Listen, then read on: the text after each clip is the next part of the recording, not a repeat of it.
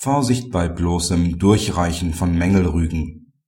Reicht der Generalunternehmer eine Mängelbeseitigungsaufforderung des Bauherrn lediglich an den Subunternehmer weiter, ohne diesen selbst zur Nachbesserung aufzufordern und eine Frist dafür zu setzen, liegen die Voraussetzungen einer Selbstvornahme nach § 13 Nr. 5 Absatz 2 VOB Teil b nicht vor. Der Bauherr beauftragt einen Hauptunternehmer mit der Ausführung diverser Bauarbeiten an einem Gebäude der Hauptunternehmer beauftragt wiederum einen Nachunternehmer. Nach der Abnahme rügt der Bauherr gegenüber dem Hauptunternehmer diverse Mängel und fordert unter Fristsetzung zu deren Beseitigung auf.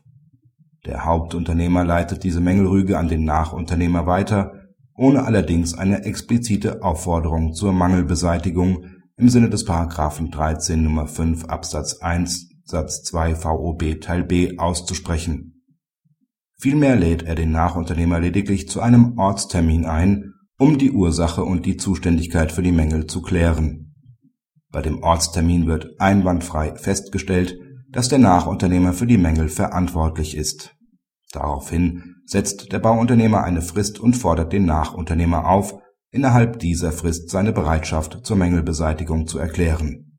Als dieser darauf nicht reagiert, greift der Hauptunternehmer zur Ersatzvornahme und rechnet mit den Kosten gegen den Werklohnanspruch des Nachunternehmers auf. Dieser erhebt schließlich Klage. Das OLG Stuttgart gibt dem Nachunternehmer Recht, denn es liegt keine Mängelbeseitigungsaufforderung unter Fristsetzung nach § 13 Nr. 5 VOB Teil b vor. Die Weiterleitung der Mängelrüge des Bauherrn gegenüber dem Hauptunternehmer an den Nachunternehmer genügt nicht, da der Hauptunternehmer diese Weiterleitung nicht mit einer Mängelbeseitigungsaufforderung verbunden und auch keine Frist dafür gesetzt hatte. Er kann sich auch nicht auf die Fristsetzung des Bauherrn berufen, da diese nicht gegenüber dem Nachunternehmer wirkt. Auch nach dem Ortstermin hat der Hauptunternehmer den Nachunternehmer nur zu einer Erklärung über die Bereitschaft zur Mängelbeseitigung aufgefordert, nicht aber zur Beseitigung als solcher. Dies genügt nicht. Ebenso wenig kann sich der Hauptunternehmer darauf berufen, dass der Nachunternehmer die Mängelbeseitigung verweigert habe da letzterer schlicht gar nichts getan hat.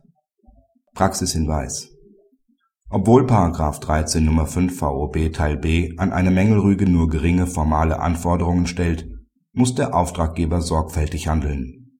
Stets muss er das Symptom des gerügten Mangels benennen, den Auftragnehmer zur Mängelbeseitigung auffordern und dafür eine angemessene Frist setzen.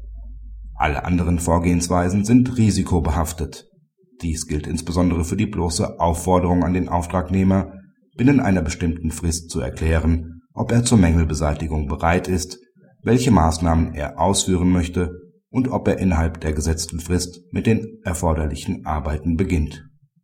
Derartige Aufforderungen, die hinter einer konkreten Beseitigungsanforderung zurückbleiben, genügen nur im Ausnahmefall, zum Beispiel wenn es sich um erhebliche, dringende und nach Art und Umfang schwer abzuschätzende Arbeiten handelt oder wenn konkrete Zweifel an der Nacherfüllungsbereitschaft des Auftragnehmers bestehen.